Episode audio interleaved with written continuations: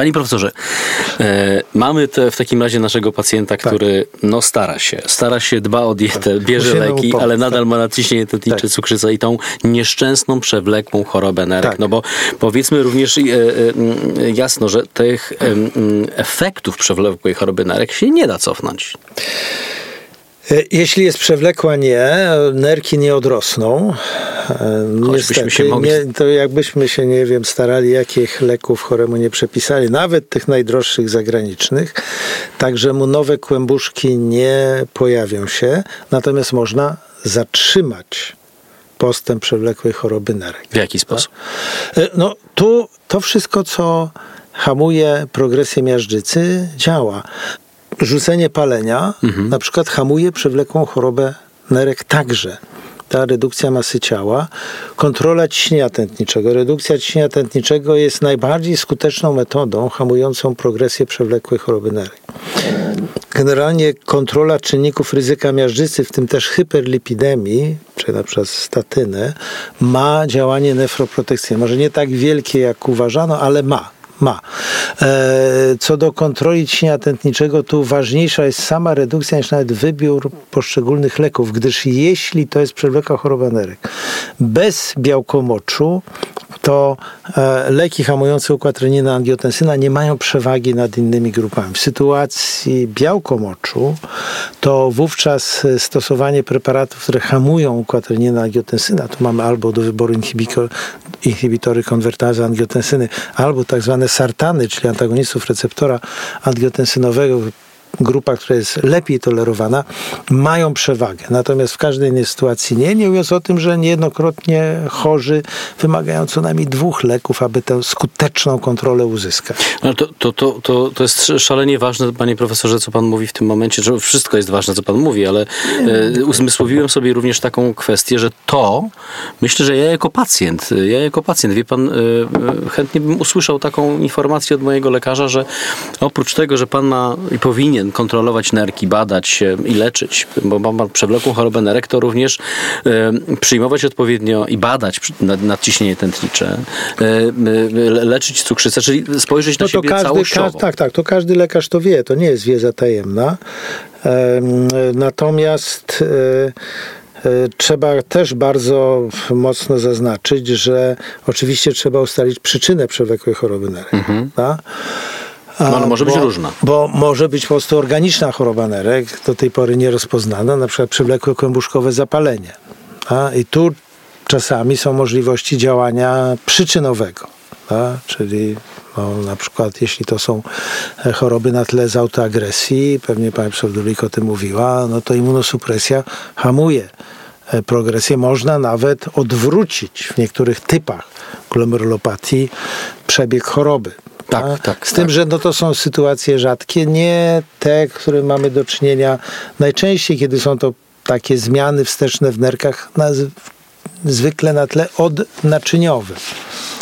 Tak, y, rzeczywiście rozmawialiśmy z panią profesor Durlik i ona wspominała o, o tych możliwościach zatrzymania, czy też nawet odwrócenia, ale to, to odwołuje też naszych słuchaczy do osobnego podcastu, osobnego słuchowiska, to tam dość precyzyjnie Tak. polecam, pani, pani, polecam, pani profesor polecam. to tłumaczy.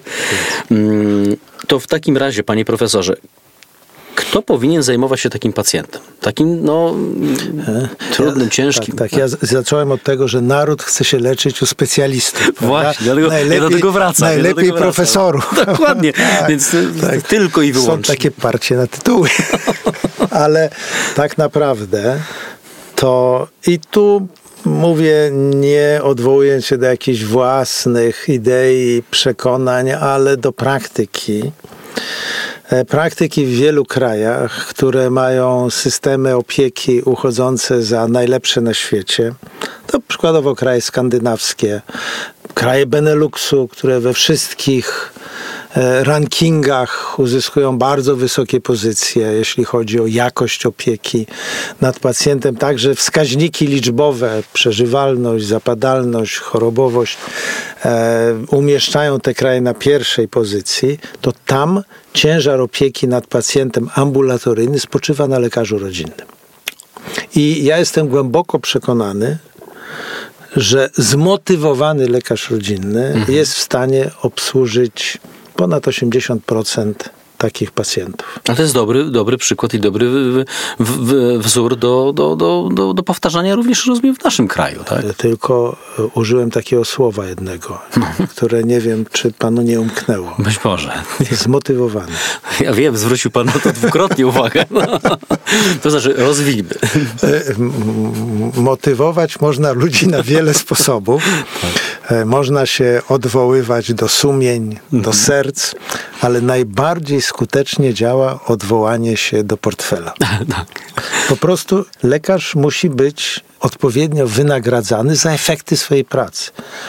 E, Absolutnie. I, I, to jest y, system, który funkcjonuje już w wielu obszarach medycyny na świecie. W Polsce też się zaczyna o tym rozmawiać. Też. I y, y, no, nie ma może wystarczającej woli politycznej, ale takie pojęcie value-based care już funkcjonuje.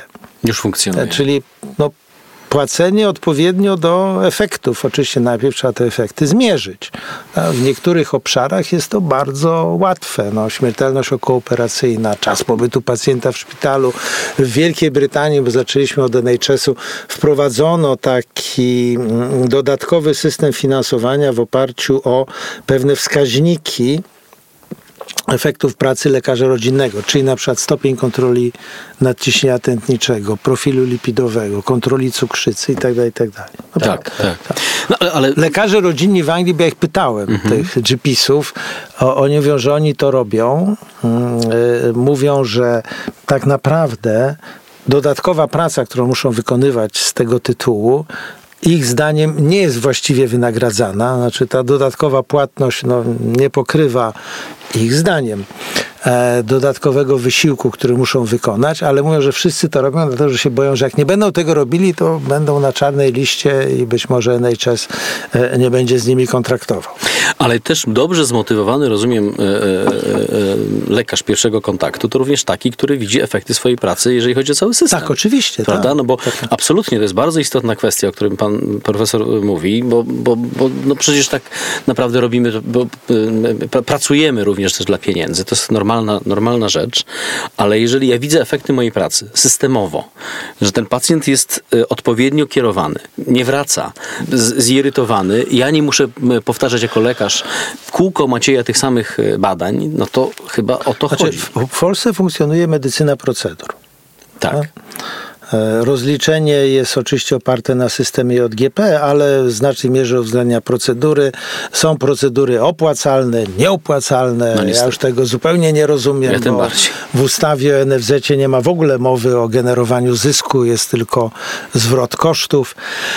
Lekarz rodzinny jest rozliczany kapitacyjnie, czyli odpowiednio do e, liczby pacjentów, z którymi ma podpisaną umowę. Czyli krótko mówiąc, te efekty w ogóle nie są brane, w ogóle nie są brane pod uwagę. Natomiast bez wątpienia no, powinniśmy płacić za jakość, mhm. prawda? I to wszyscy rozumieją, że cena musi być zróżnicowana do jakości. To tego chyba nie trzeba tłumaczyć ani kończyć żadnych studiów, studiów typu MBA. Dwa, też system trzeba budować od dołu od podstawy. No, mhm. A tą podstawą jest medycyna w miejscu zamieszkania pacjenta, lekarz rodzinny. Przerzućcie uwagę, ja nie mam specjalizacji z medycyny rodzinnej.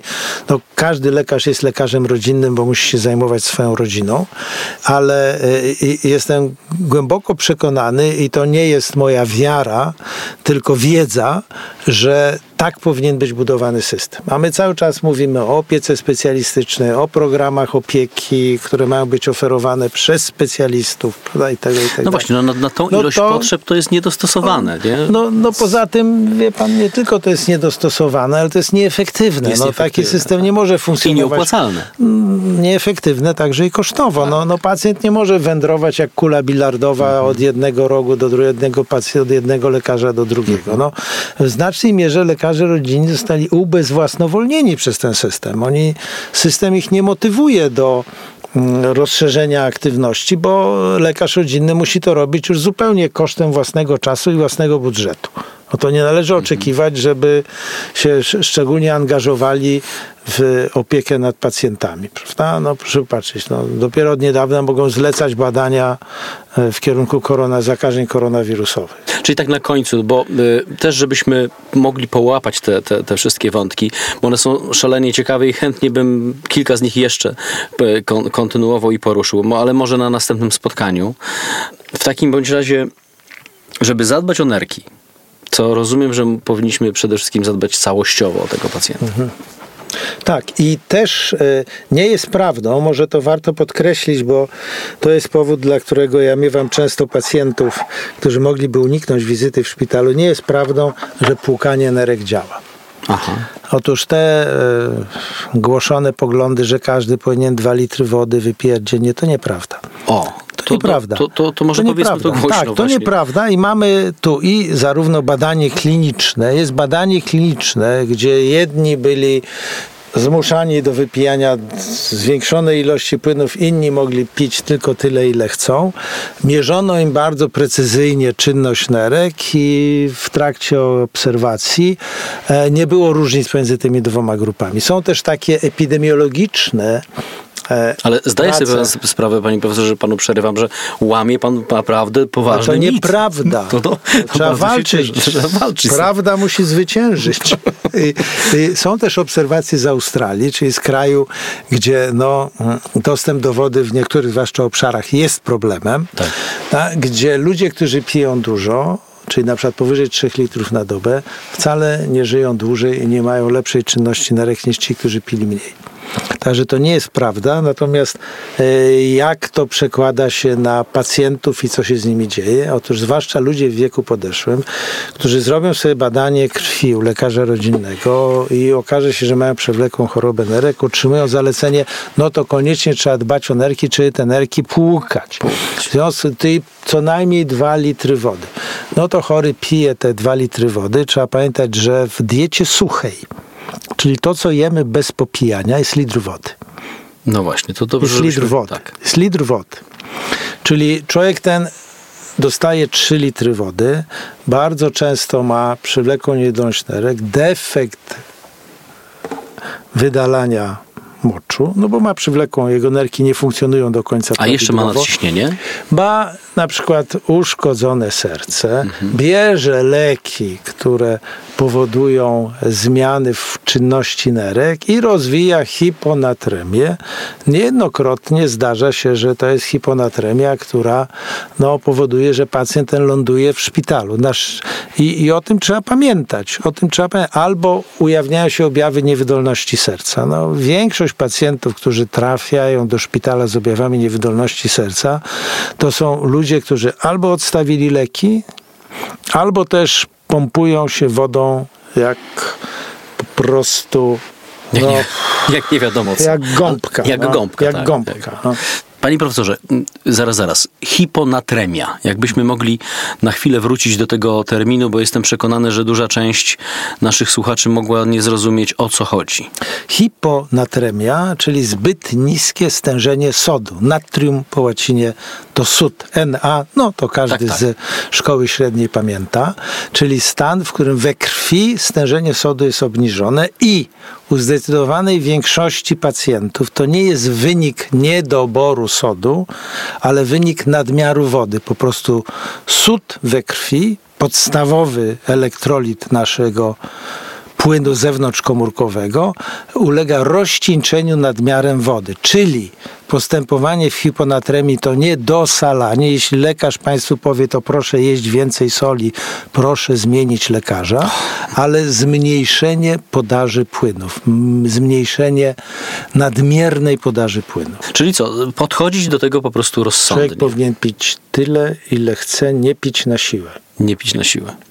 Za wyjątkiem pacjentów z kamicą nerkową, gdzie rzeczywiście jeśli mają kamicę nerkową, to rozcieńczenie krystaloidów w moczu zwiększa ryzyko nawrotu kamicy. To wiadomo, że u nich wtedy, jeśli wydala więcej niż 2 litry moczu, to prawie tam o ponad połowę zwiększa się ryzyko kolejnego nawrotu No tak, ale tam jest inny czynnik pewnie. I tak, tak. No, to też ciekawe, bo w moczu są zarówno substancje hamujące wytwarzanie kamieni, jak i też powstawanie kamieni, więc ktoś może powiedzieć, no jak ja mam, będę mocz rozcieńczał, to może rozcieńczę te e, środki chroniące przed ka- kamieniami. Okazuje się, że w większym stopniu jednak zmniejszamy zagęszczenie składników, które pozostając w moczu wytrącają się i stanowią ten zalążek jądro kamienia. Kamienia.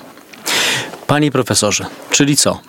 Dbajmy o nerki, dbajmy o, o całościowe, o całościowo O nasz siebie organizm. dbajmy. Dbajmy o siebie. O siebie, o najbliższych, o kraj, o wszystkich. To na pewno. To dbajmy, dbajmy o wszystko, co możemy dbać, ale w szczególności jeżeli tak. chodzi o, o nasze nerki, mm, to Oczywiście w pierwszej kolejności musimy dbać o siebie, bo inaczej nie będzie miał kto dbać o naszych najbliższych i kraj. dokładnie tak. Dokładnie tak.